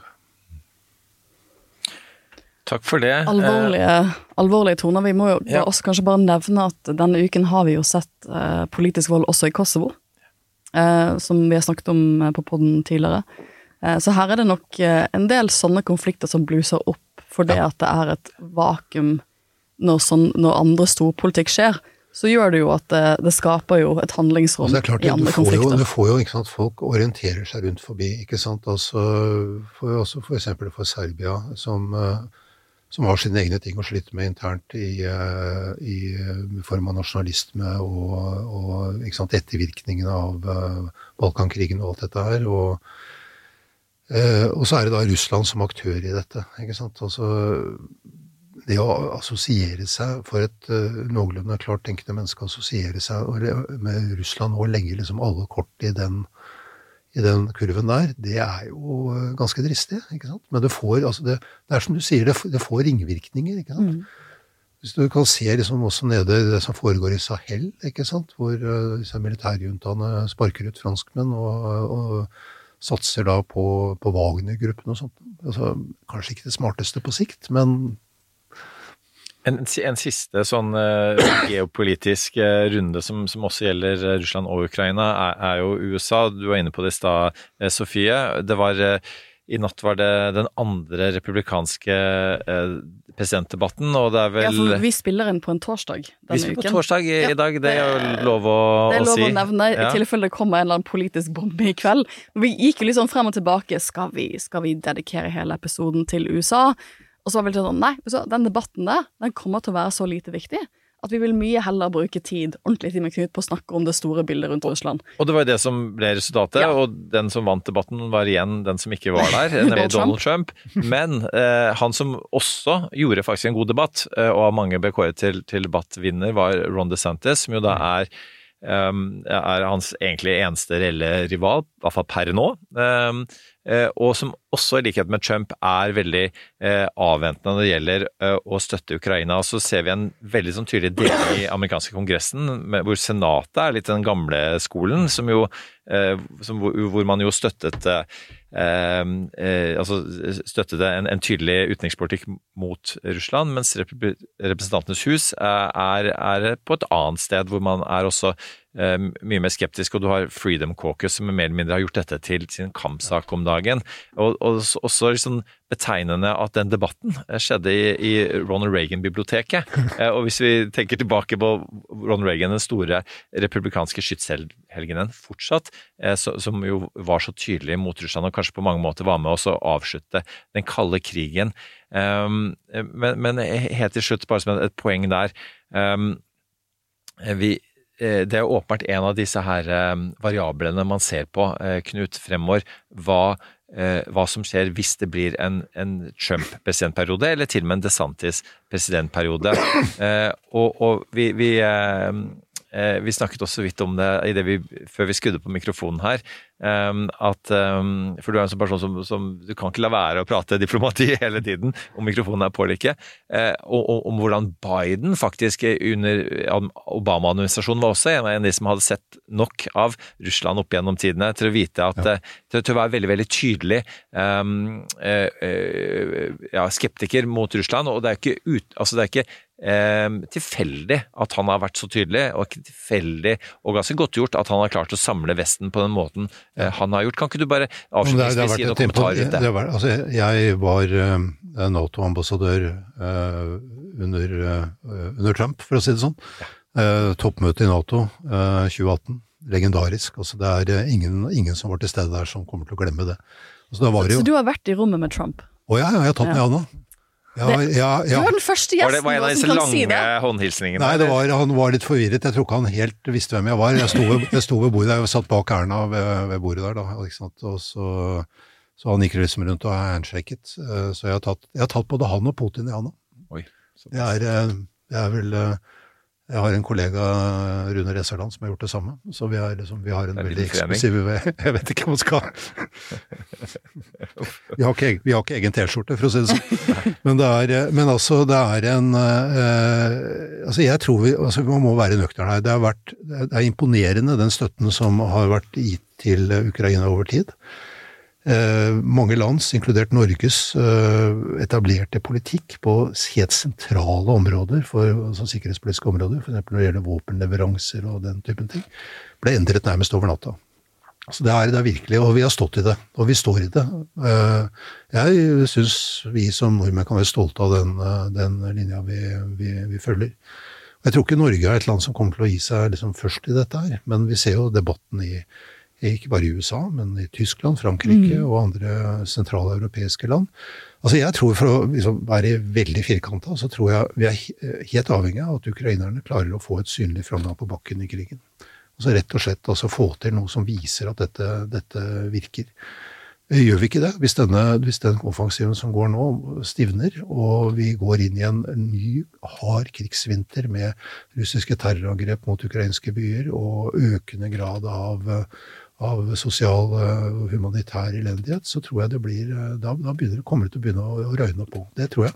På, altså Trump eller ikke Trump, men altså Trump altså, Det er jo det er jo ingen som er i, driver politikk på, på dette nivået her eh, for eh, altså, eh, av altruistiske grunner. Ikke sant? Man gjør det fordi at det er en, en statsinteresse eller en politisk interesse i det.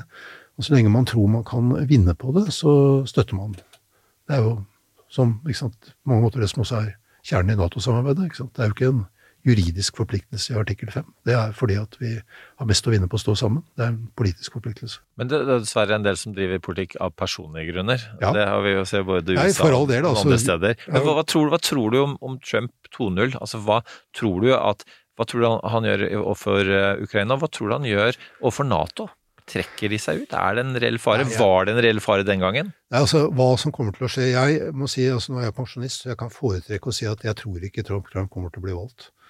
Så det, det, det, jeg, velger, jeg velger det get out of prison-kortet der, ikke sant, på den der. Men, men altså, eh, faren i, i tilbake, det Ja, det, det var Det var eh, ikke det Altså, det er jo ikke sånn at du kan trekke USA fra Nato sånn som melde deg ut. Men eh, det, det, er, det er litt mer komplisert. Men hvis da USAs president går ut og sier at eh, jeg eh, Altså USA kommer ikke til å, å stille opp for land som betaler mindre enn 2% osv. Det var en reell fare for. Det var en reell fare for. Det ville ødelagt Nato.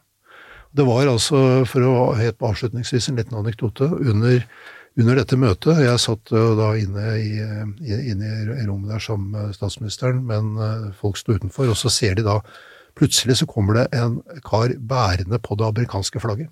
På stang, ikke sant, sånn ut. Og det gikk et, eh, det ble fortalt det gikk et sus gjennom forsamlingen. De trodde at nå ser vi det. Her går det amerikanske flagget ut fra møterommet. Men det viste seg bare å være tilrigging til pressekonferanse. Så det var, men altså, sånn var stemningen. At, ikke sant? Og det var, det, det var, det var skummelt. Altså. Har vi Stoltenberg å takke for at, eh, at USA ikke trakk seg? altså, eh, Jens Stoltenberg har, har vi veldig mye å takke for, det er helt klart. Og han, eh, altså, hans evne til å håndtere vanskelige statsledere er jo, er jo helt legendarisk. Eh, man ser hva man også ved å, å drive, drive koalisjonsregjering i Norge, så lærer man noe. Det er helt, helt, helt, helt åpenbart. Som kan anvendes også internasjonalt. Det er- hva, hva, er, hva er trikset? Jeg tror det, hva er jeg- tror det er la folk- Nei, altså jeg, altså, jeg er jo ikke politiker, eh, hva vet vel jeg. Men jeg, jeg tror at det er viktig å la ta folk på alvor. eh, la folk få snakke ut. Eh, ikke nødvendigvis la dem få rett, for det kan du ikke. Du kan ikke la alle få rett. Men eh, du kan ikke være konfliktsky. Eh, du må mene noe selv og, og stå for det. Men eh, det, helt vesentlige er å behandle folk med, med, med respekt, selv om du ikke gir dem det de, de vil ha. Og det, der har eh, Jens Stoltenberg vært helt suveren, rett og slett. Det var, jeg må si det, det var skikkelig gøy å representere Norge når han var, mens han var generalsekretær. Det, det var det. Mm. Så, så eh, fint formulert, og, og det syns jeg var en, var en god avsluttende Ja. altså, For de som har hørt hele veien hit altså jeg, jeg kan ikke fatte at man ikke har hørt hele veien hit hvis de er lyttere av det store bildet, for at uh, dette var en, eh, en fantastisk eh, både opplysende og litt skremmende eh, oppsummering eh, av, av egentlig det som har skjedd helt siden vi startet denne poden, Sofie. Eh, Jeg ble mye klokere, og den analysen for sånn Hovedkonklusjonen Knut, er jo at vi nå er fra et norsk ståsted og fra et kanskje vestlig ståsted i en stasjon hvor Russland har gått så langt at det er ingen vei tilbake Korrekt. til den normaltilstanden vi var Altså, i. for, for å si det, bare for å eh, slå et lite slag for eh, på å si et, eh, et annet medium, altså Aftenposten, det var vel i, i, altså onsdag i går, trykket jo en lang eh, kronikk av Mikhail Sjisjkin, Ja. Ja. som jo var et, en, en synopsis av den boken, den derre Russland, fred eller krig, som har vel kommet på norsk, har den ikke det? Og som er jo, er jo en er jo kanskje altså Det er jo ikke det mest balanserte eh, trykksak, men det, den illustrerer jo, ikke sant eh, altså Jeg, jeg syns den var veldig bra. Eh, den forteller veldig altså, om de dilemmaene som vi nå står overfor, og hvor grunnleggende dette er.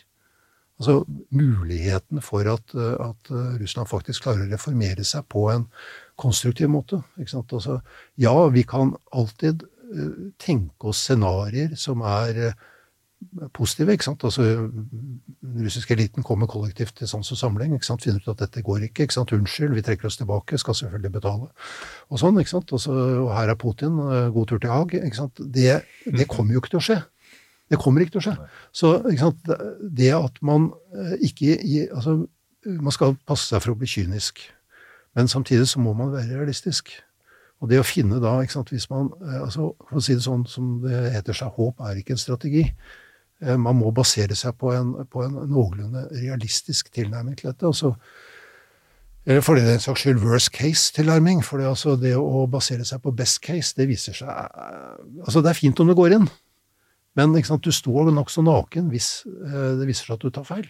Men samtidig, du nevnte håp. La oss avslutte på det, da. Eh, nok et forsøk på å avslutte. Dette, dette er vanskelig med tre matmakere sammen. Men hvis for å oppsummere Oslo Business Forum eh, sine to dager i ett ord, så er det håp. At Mm. flere sa at, at klimakrise, altså alt det som måtte skape denne, dette kaoset, da. Eh, For det er flere kriser der ute enn bare denne som vi har snakket mest om. Eh, Så er det er helt umulig å tilnærme seg det eh, uten at håp er en, er en del av strategien. Eh, fordi, og, og, og det du beskriver også eh, i Russland og, til, langt tilbake i tid, er jo mangelen på, på håp. Eh, og en nærmest en sånn fatalisme om, at, hvor, det er, hvor det er vanskelig å gjøre noe selv. Og, og er det på en måte sånn derre og, så har vi vært innom om at på den revitaliseringen av demokratiet, vestlige demokratiet, og folk skjønner til og med hvorfor internasjonale organisasjoner og diplomatiet har, har og bør ha en rolle. Eh, altså, eh, håpet i, fremover, eh, Knut? Nei, altså Håpet er jo at man klarer å få stabilisert denne situasjonen på en måte som gjør at dette ikke eskalerer ut til noe som er enda mer utrivelig enn det er i dag. Eh, Håpet er at man kan gi eh, Russland, eh, som jo er en eh, altså er leverandøren av uro og usikkerhet i vår, i vår del av verden, eh, den roen som skal til til at de får sortert ut dette eh, på, egen hånd. Om, de, om det faktisk er mulig eller ikke, det er Men vi må, vi må være veldig nøkterne, tror jeg. Altså Hvis vi tror at vi kan drive og, og, og, og gjøre noe annet enn å skape da mest mulig stabile rammer og minske faren for feilvurderinger og konfliktspredning, det kan vi klare.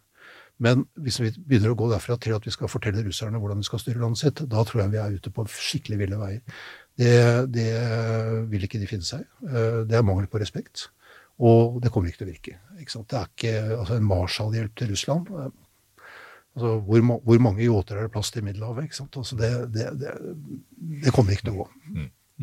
Det kommer ikke til å gå. Vi avrunder med en liten uh, ukens av- og påkobling.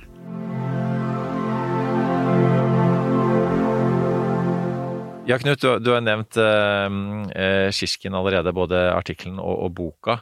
Eh, er, det, er det andre ting du eh, For jeg som kan mye om dette her, som, som informasjon du søker for å lære enda mer? Altså, det fins jo en, en, et veldig tilfang av, eh, av eh, bøker om eh, Putin. Jeg tror jeg har to hyllemøter med dem selv. Eh, Og det eh, Jeg vet ikke. Altså, hvis man er interessert i, i russisk historie, så har jo Halvor Kjønn skrevet uh, noen veldig eh, lett tilgjengelige, gode uh, bøker om det. Men Jeg vil si For å forstå hva som foregår i, i, i Russland i dag, og essensen i russisk politikk, så vil jeg anbefale Sopranos. Det, det var uventet, men veldig morsomt. og, og det er rett og slett altså fordi eh, altså, Tony Soprano eh, sin Altså hvordan han navigerer makt, eh, det er Der, der kan man, man forstå en del verdensledere, altså. Altså Det er blitt sagt, det er blitt sagt, eh, det er ikke noe spesielt originalt av meg å si dette her, altså det ble jo sagt at eh, en eller annen som sa en gang at hvis du vil forstå russisk politikk, så, så er, er det Mario Pozzo, ikke sant, gudfaren, som er, eh, er stedet å gå. ikke sant, og det er, eh, Men jeg er jo moderne mann, så jeg, jeg sier Sopranos. Det er veldig morsomt. Jeg, jeg, har, eh, to, jeg har faktisk to serieanbefalinger selv. Den første er en serieanbefaling jeg tror jeg har gjort før, og det er den franske spionserien Le Bureau, som sikkert mange av våre lyttere allerede har sett. Men sesong fire der eh, skjer jo i Russland. Eh, og det eh, Dette er jo filmet basert på ting som skjer for noen år siden. Eh, det er en serie som begynner å bli noen år gammel. Eh, Så den omfavner jo ikke invasjonen av Ukraina på noen måte. Men jeg syns den viser en del av dynamikken i hvordan Russland jobber eh, med påvirkning diplomatisk og spionmessig, som Og så er det jo en knallgod serie. Så det er mitt første serieanbefaling. Den andre serieanbefalingen min er TV-serien Chernobyl, som gikk for noen år tilbake. Eh, for jeg syns det var veldig kraftfullt å se på det. Den, den omfatter jo da hva som skjer i 1986 rundt denne store atomulykken, Chernobyl. Og det I som kanskje, Ukraina. I Ukraina. Og det som kanskje slo meg mest i sånn 2019, eller når jeg så den, for jeg tror den kom ut i 2019, det var du, du ser måten et sånn type autoritært regime, kommunistisk regime, lyver på. Jeg er helt enig, det er en veldig, veldig veldig god skildring. altså Den ligger vel på HBO fortsatt. Og realistisk, mener du? Realistisk, ja. Veldig realistisk. Ja, Veldig godt, og veldig godt spilt og laget. ja. Veldig godt spilt og laget, og det, er sånn, det jeg satt meg igjen med, det var beslutningsprosesser i et regime hvor du lyver til Ja. befolkningen Ja. om at nei, men det er ikke så mange har ikke dødd, og så det, sånn er det ikke. I no, hvor, hvor, du kan, hvor, hvor effekten er, altså hvor, hvor alle kan se egentlig hva som har skjedd. Utrolig fascinerende. Eirik? Ja, nå, nå, eh, apropos eh, løgn. eh, Jeg, jeg, mitt eh, forslag forrige uke var jo Arthur Custlers 'Mørket mitt på dagen', hvor du til og med selv eh, er, altså er med på løgnen. Altså du, du nærmest eh, lar deg henrette eh, av hensyn til systemet. Så jeg, jeg kan ikke gjenta den igjen. Men jeg kan gjenta en som, som var Jeg lurer på om faktisk var det aller første episoden vår, Sofie. Som, som jeg tenker jeg kan dra opp fra glemselen igjen. For det er George Saunders sin A Swim in a Pond in the Rain, som rett og slett er en sånn samling av russiske eh, noveller eh, av, av de store klassikerne Tolstoy, Dostojevskij, Gogol osv. så og, og han eh, eh, så, så han, han analyserer eh, alle de, eh, og hvis man hører det på lydboka, så er det noen flotte skuespillere som leser først novellene, eh, og så går han gjennom. og så er han, hans metode, for han er litteraturviter og underviser i dette her. Eh, altså, egentlig, jeg, tok, jeg tenkte på det da du sa, Knut, at eh, russere er ikke dumme, eh, og, og tvert imot så er de veldig menneskelige i sitt system, og, og noe av det problemet i sånn den type krig og konflikt er når man umenneskeliggjør den andre siden, og det er det jo ingen grunn til å gjøre når det gjelder russerne. De, de er nå i det systemet de er, men, men, men, men den, hvis, du, hvis man går til disse novellene, så, så, så altså på en måte den der, En ting er på en måte hvor, godt det er skrevet, men også, men, men også de, de tankene og følelsene disse, disse eh, karakterene gjør seg i disse novellene, Ja. synes jeg er en god påminnelse. Men det er jo veldig viktig det å menneskeliggjøre dette også, ikke sant, å minne seg selv på det. Altså Jeg må jo si for min egen del, og det kan være greit å si sånn på tampen av denne lange greia, jeg vet, ikke hvor lenge vi har holdt på, men du, du kjenner jo meg, jeg kan holde på. øh, Ja. Men altså, jeg personlig har alltid syntes det har vært fint å være i Russland. Jeg har likt meg i Russland. Jeg har øh, veldig lett for å omgås russere. Jeg snakker språket, ikke sant. Er, øh, jeg, jeg oppfatter meg selv ikke som antirussisk i det hele tatt, og det tror jeg faktisk ikke russerne gjør heller. Så det er, eh, det er et eh, så Bare sånn at det er sagt, altså det er ikke en antirussisk rant, ikke sant. Vi er ikke der. Nei, Nei og, og der tror jeg ingen, ingen, som, ingen mistenker deg. Eh, og, og, og altså bare sånn altså en Anna Karenina, da. Eh, det er jo for de som Apropos moderne mennesker, eh, som vi jo alle er, eh, Knut. Eh, altså The, Kardashians. altså Det er jo en slags sånn derre- et sånn kammerspill som jeg, jeg mener er, er like moderne da som nå som da. Eh, og fantastiske skildringer av, av kjærlighet og sjalusi og svik og, og det hele tatt. Så, så dette er så Plukke opp en russisk roman innimellom. er En, en ting vi ikke skal gjøre, så er det å kansellere russisk eh, litteratur i disse dager. Eh, tvert imot har, ha, ha litt sympati med de som dessverre er født i, og opp- oppvokst i det systemet. Ja, ja. ja. Det er jo Altså det er jo, Der kommer man jo fort inn på spørsmål om kollektiv skyld og den, den typen ting. ikke sant? Og det blir jo nokså meningsløs diskusjon. Akkurat som det er eh, kollektiv uskyld er like meningsløs. Og med det så tror jeg vi runder av denne lange og gode episoden. Tusen takk for at du lyttet så langt, kjære lytter. Eh, jeg føler at nå er jeg har en, i alle fall jeg, en dypere forståelse av hvor vi er akkurat nå i denne konflikten, og hva veien for oss er videre. Så med det, eh, tusen takk for at du var med oss, eh, Knut. Takk for at du inviterte meg, og lot meg få lov til å snakke så lenge.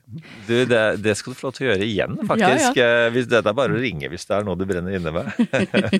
Eh, og så eh, til dere som har hørt på, eh, ha en eh, flott helg mm. og en fortreffelig neste uke. Så lyttes vi.